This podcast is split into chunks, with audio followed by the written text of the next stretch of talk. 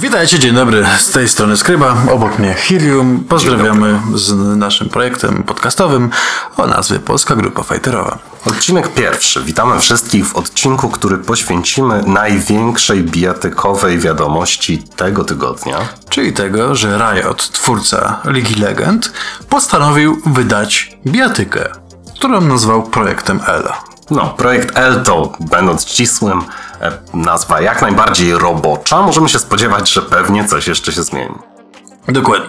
Za stworzenie tej gry odpowiadają twórcy, którzy między innymi stworzyli grę o nazwie Rising Thunder, która no z tego co właśnie Hiryu mówił w Stanach cieszyła się całkiem, całkiem, całkiem dobrą tak naprawdę oglądalnością, albo raczej zainteresowaniem, tylko no właśnie projekt został zawieszony. No właśnie, ale projekt został zawieszony nie bez powodu, a został zawieszony dlatego, że po tym jak wydano wstępną, bardzo nawet jeszcze wczesną wersję alfy, ale z działającym trybem online'owym, żeby gracze mogli się zapoznać z tym tytułem, to całe studio Radiant Entertainment zostało wykupione przez Riota i słuch o grze zaginął. A warto wspomnieć, że szefem Radiant Entertainment był nie kto inny jak Tom Cannon, czyli człowiek odpowiedzialny innymi za stworzenie protokołu GGPO który, jak wiemy, oznacza Guilty Gear przez online, jest systemem sieciowym zaprojektowanym do tego, żeby grać w bijatyki jak najlepiej, w jak najlepszych warunkach online'owo. Dokładnie. Jeżeli chodzi o nową bijatykę, czyli projekt L, premiera nie jest jeszcze znana. Sami twórcy zresztą przekazali informację, że nie mają za bardzo właściwie co jeszcze pokazać. To też nie powinniśmy się spodziewać tego, że premiera będzie w najbliższym czasie. Nie zmienia to jednak faktu, że zobaczyliśmy krótki urywek, tam około 30-sekundowy, y, właściwie dwóch czy tam trzech scenariuszów z gry. No i myślę, że warto wspomnieć, że gra bardzo przypomina właśnie produkcję Capcomu. Mhm. Inspirację Street Fighterem widać już na pierwszy rzut oka, ale podobnie było z Rising Thunderem. Te gry, o ile są zupełnie unikatowe, no przynajmniej Rising Thunder był zupełnie inny od Street Fightera, to jednak na pierwszy rzut oka było widać, skąd inspirowano się rozgrywką.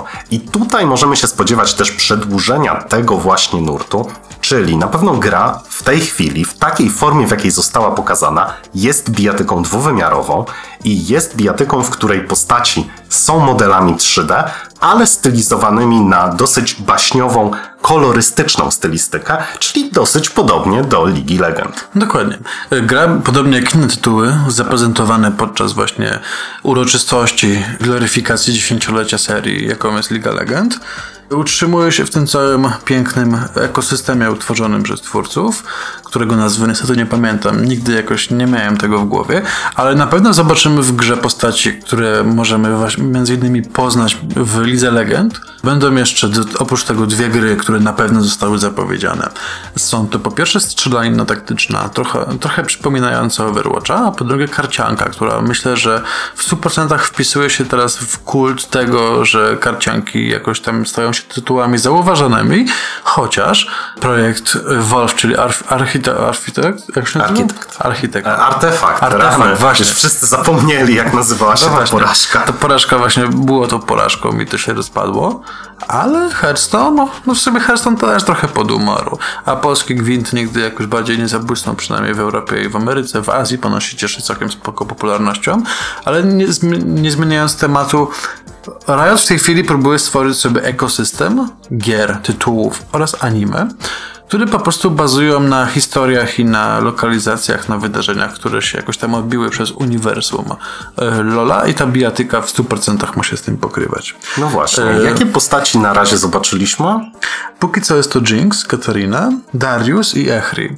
Z, tego, z czego Echri i Darius są, zobaczyliśmy na krótkiej scenie, która była najbardziej dopracowana. Mhm. E, postaci nie miały placeholderowych modeli broni, jak na przykład Jinx a wszystkie efekty i tak dalej zdawały się być dopracowanymi.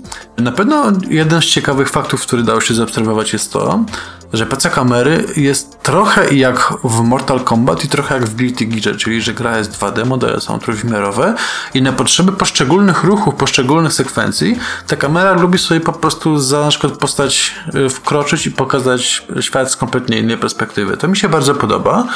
A oprócz tego postawienie na grę 2D myślę, że zdaje się być jak najbardziej sensownym wyborem, ponieważ myślę, że po pierwsze ta gra jeżeli już powstanie, będzie w miarę prostą manualnie, żeby trafić do jak największej ilości ludzi, którzy się przyzwyczaili do Lola. To raz. Dwa. Zdaje mi się, że ogół tego, co w tej grze zobaczymy, będzie musiało przede wszystkim zrobić dobrze miłośnikom właśnie FGC oraz Evo. To też gra w 2D może być całkiem, całkiem prosta we wdrożeniu się, ponieważ jest tam mniej opcji, mniej skomplikowania, nie ma tam jakichś side stepów, tego typu rzeczy. Ale z drugiej strony nie będzie aż tak prosta, żeby można nazwać było prostacką. Nie, wiesz co, nie możemy się tego spodziewać. Zresztą, jeśli chodzi o samą grę, to trzeba patrzeć. Pamiętajcie, w tej chwili gra jest przed alfą, to nawet jeszcze nie jest skończona alfa, a to oznacza z perspektywy projektowania gier, że również pomysł na grę nie jest w pełni wyklarowany, mechaniki nie są dopracowane, nie są nawet w pełni jeszcze rozplanowane. A co ważne, dzięki temu, że wiemy, że nie ma co oceniać tej gry po nagraniach, które nam pokazano, możemy ją oceniać przez pryzmat twórców, i mniej więcej linii czasu chronologii, jaka nastąpiła wcześniej. Czyli e, mamy Toma Canona, który pracuje nad fenomenalnym kodem sieciowym, opracowuje GGPO.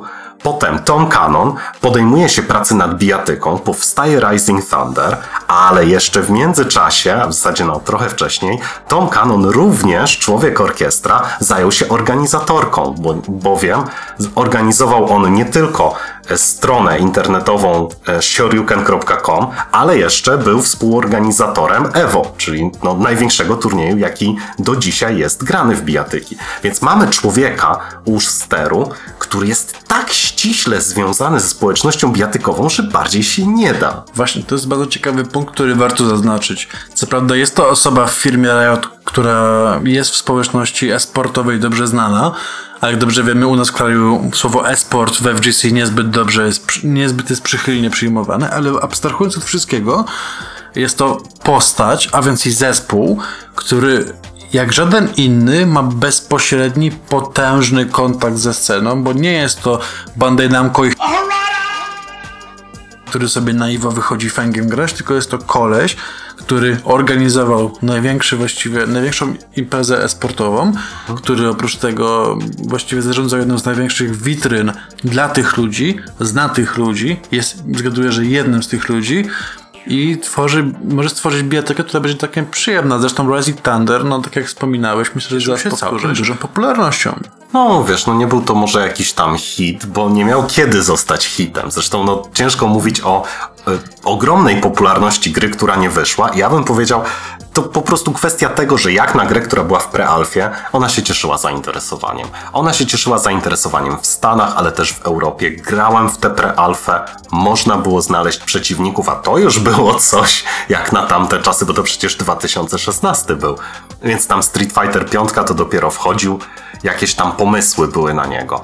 A tu wyskakuje właśnie Tom Cannon ze swoim Rising Thunderem, no i oferuje coś, co jest dosyć podobne do tych Street Fighterów, ale a tu jakiś burst, a tu jakiś cancel dodajemy i pomimo tego, że schemat sterowania był prosty, to były długie kombosy, pomimo tego, że były długie kombosy, to jednak było dużo okazji do grania fucji, szukania tych dystansów, więc ta gra miała dużo dobrych pomysłów, a jeszcze warto powiedzieć odnośnie tego właśnie kanona, że także w materiałach promocyjnych, które teraz się pojawiły, w tych reportażach, w tych e, krótkich migawkach od Riotu, cały czas jego twarz, jego twarz, jego twarz, jego twarz. Jest wokół, tak. Tak, w zasadzie nie było nikogo innego z tego zespołu pokazanego tak prominentnie. Oczywiście Canon jest szefem, ale oprócz tego, że jest szefem, to widać, że będzie też taką twarzą tego projektu.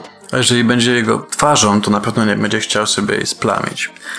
Oprócz tego, no myślę, że model biznesowy tej gry będzie raczej- celował w free to play i jest ku temu kilka, moim zdaniem, powodów. Przede wszystkim to, że duża liczba osób się tym zainteresuje. Rising Thunder też w założeniu miał być grą darmową. Po drugie, LOL jako gra właśnie free to play funkcjonuje od bardzo dawna i generalnie rzecz ujmując, największym skupiskiem zarobku pieniędzy dla twórców tej gry są skiny oraz postaci, a raczej złoto, które kupujemy, żeby postaci odblokować. I myślę, że ten sam sposób ekonomii może zostać tutaj zachowany na wzór m.in. Killer Instinct czy właśnie Street Fightera 5. Wiesz co, mam nadzieję, że obejdzie nam się bez wersji free-to-play, bo nie chcę podważać prawdopodobieństwa, to wszystko przed nami jeszcze, ale uważam, że o ile sam schemat wydania gry free-to-play i trzymania się na przykład tego, co było w Killer Instinct, że można sobie było dokupić te postaci, można było wydać pieniądze i mieć wszystko i tak dalej, to jest dobry pomysł. Ale e, w przypadku League of Legends mamy do czynienia z ogromną bazą postaci. Na pewno, jeśli chcemy dotrzeć do fanów, to chcemy jak najwięcej z tych postaci zawrzeć w grze, ale im bardziej Riot postawi na to, żeby to był klient, który będziesz sobie customizował, dokupywał te postaci, dokupował te postaci, które chcesz, olewał te, których nie chcesz, to będzie bardzo, bardzo utrudniało funkcjonowanie w środowisku turniejowym. Tak, to podobnie jak ze Smashem, że żeby zrobić właściwie turniej w Smasha musisz usiąść i odblokować wszystkie postaci ręcznie, po czym musisz kupić DLC, żeby mieć pozostałe. Tu może być podobnie, że bez specjalnych, nie wiem, programów partnerskich i tego typu rzeczy będzie, będziemy musieli wydawać właściwie bardzo dużą sumę y, pieniędzy, żeby odblokować wszystko, żeby zorganizować turniej. Chyba, że każdy przyjdzie ze swoim sprzętem i że będzie jakaś możliwość łączenia kont, żeby sobą grać, bo też to jest jakaś forma, na przykład na automatach w różne gry na początku zawsze, chociażby w Tekena, czy Soul Calibura, czy nawet Street Fightera było tak, że się przychodziło, miało się swoje konto i się przynosiło skiny i tak dalej. To może być ciekawa koncepcja. No i ciekawym rzeczą też jest to, że w jednej sekwencji widzieliśmy kawałek interfejsu. Tak, udało się. I to był bardzo ciekawy interfejs, dlatego że on bardzo przypomina Street Fighterowy. To prawda. Widzieliśmy tam innymi właśnie pasek Stuna, który no między innymi chociażby w Street Fighterze gra bardzo ważną rolę, że jeżeli wiele razy uderzymy postać w głowę, to w pewnym momencie po prostu kręci się jej w głowie i możemy jej zrobić co chcemy. No ale był to pasek, który wygląda jak pasek Dokładnie. Stuna w Nie- Street Fighterze 5. Nie mamy pojęcia, czy on w ogóle nim jest. Oprócz tego widzieliśmy coś na właściwie coś przypominającego pasek defensywy. No i właściwie to wszystko. No widzieliśmy na pewno cztery eksy. Tak, no i czterobloczkowy pasek Supera. Tak, i to też może być ciekawe, co z tego wyniknie. Podczas filmu nawet było widać użycie ciosu, który tak jakby mógłby nim być. To znaczy, to była Ahri, która rzucała płomieniem pod Dariusa. A chociaż to mógłby też projectile. Wiesz co, ja ci powiem, że w e, jedna z sekwencji, gdzie walczyła Katarina, e, zaczynała się od bardzo bliskiego najazdu kamery na postaci i jednego i pokazania ostatnich klatek takiego bardzo mocnego był cios w na pozór Nie uderzenia. to- Właśnie to był cios w powietrzu, ale on mógł być ostatnim ciosem z jakiejś superki. jakiejś superki. Taką wykończeniówką, A oprócz tego widzieliśmy jeszcze jedną ciekawą rzecz, to znaczy widzieliśmy tak jakby coś, co przypomina albo pary, albo perfect bloka. Na sam koniec y, właśnie kombinacji, którą wykonywał oponent. Darius na. Katarinie. Dokładnie. Wydaje mi się. I właśnie Katarina w trakcie blokowania zabłysnęła na niebiesko, ale był to jedyny przypadek blokowania, który zobaczyliśmy we wszystkich migawkach, więc nie wiadomo, czy to jest prawidłowa animacja, czy to jest jakaś wyjątkowa Ewentualnie animacja. to może być coś na wzór właśnie typu practice w Tekenie, kiedy po Aha. prostu ćw- sprawdzasz y, frame datę. A no, no tak, może, To też jest jedno z rozwiązań, Mhm. więc jest tych opcji kilka, tak naprawdę nie ma co wybierać. tak, może się okazać, że my tu kminimy debugowe jakieś funkcje. Dokładnie. Albo, albo treningowe. Więc pewne jest to, że tak już właściwie podsumowując ten temat, gra nie wiadomo kiedy wyjdzie. Wiadomo, że wyjdzie. Wiadomo, że na pewno będzie bardzo mocno celowała w FGC i EVO. Ale myślę, że najważniejszym czynnikiem jest to, co ta gra może zrobić dla community. Bo wiadomo, każdy się boi toksyczności graczy y, gier free to play, bo to nie ma co mówić nawet o LoLu. Mówimy w ogóle o społeczności free to play. Ale teraz, jak się tobie wydaje, co właściwie to może nam jako FGC przynieść ta gra, jaka by nie była? Wiesz co, ja patrzę na e, dwa. Ja patrzę na jedną bardzo ważną kwestię, bo zobacz, przy LoLu e, Riot się połasił na klauzulę ekskluzywności dla graczy. E, Riot oczekuje, że jeśli ktoś jest profesjonalnym ligowym graczem w League of Legend, to nie będzie jednocześnie grał w gry konkurencji. No i tak, w środowisku bijatykowym taka klauzula byłaby strzałem w stopę, ale przy pieniądzach Riotu względem inwestycji innych firm Tencent. mogłaby mimo wszystko pozwolić na wykupienie śmietanki i w tym samym skazać resztę FGC na powrót do korzeni, na nagranie w piwnicy i organizowanie zlotów na działce.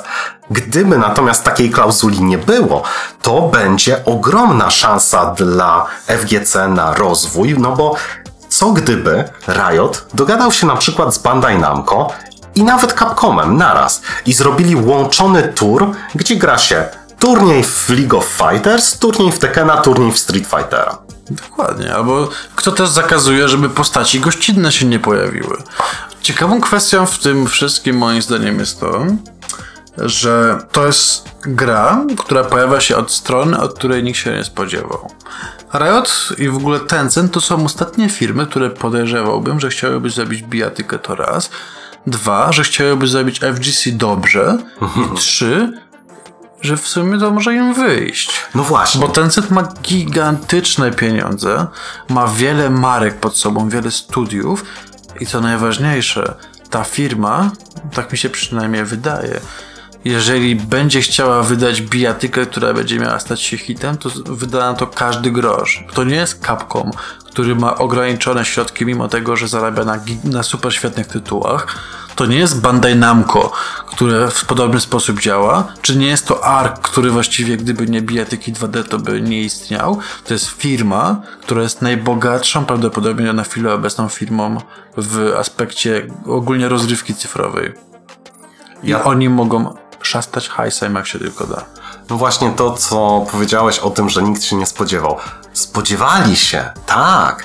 Jak Riot kupił Radiant Entertainment, to wszyscy mówili, o kurczę, League of Legends Fighters, będzie, będzie. Tylko patrz, minął rok, nic nie było. Dokładnie. Minęły dwa lata, nic nie było. Minęły no, trzy, każdy zapomniał. no tak, po, po dwóch latach to już naprawdę ludzie zaczęli zapominać, że przecież e, Tom Cannon pracuje dla Riotu cały czas, co on tam robi? No i nagle się okazało, że wiadomo co robi, robi No. bijatykę. No więc cóż, wystarczy czekać. Mam nadzieję, że gra wyjdzie na różnych platformach i że skorzystają z tego, że Sony pozwala teraz korzystać z cross multiplayera. Oprócz tego, patrząc na chociażby interfejs poprzedniej gry, czyli właśnie Rising Thunder, może się okazać, że sterowanie będzie wygodne też na telefonach i tabletach, co by wpisywało się w obecną modę tworzenia gier multiplatformowych, co zresztą sam Riot zrobił portując TFT i robiąc nowego Lola na konsole i na telefony z wyłącznością. Więc może być ciekawie. Zobaczymy. I myślę, że na chwilę obecną będzie to tyle. To był odcinek pierwszy poświęcony bijatyce Riotu. Dokładnie, nadajemy przed PGA, ale myślę, że po PGA nagramy odcinek podsumowując, kto został tak naprawdę reprezentantem Polski w Seulu. Reprezentacja Polski w esporcie. O matko boska, pieniądze, hajsy i złoto oraz sushi. Hej, to ja wiem, co mogę robić w życiu. Zostanę oficjalnym tłumaczem na koreański polskiej reprezentacji esportu w Tekenie. A znasz koreański? Tak, trochę. O kurczę, to powiedz coś po koreańsku. Czego man malhasu i soja? Zabrzmiało obraźliwie i wulgarnie, dlatego kończymy to. Trzymajcie się, cześć. Hej.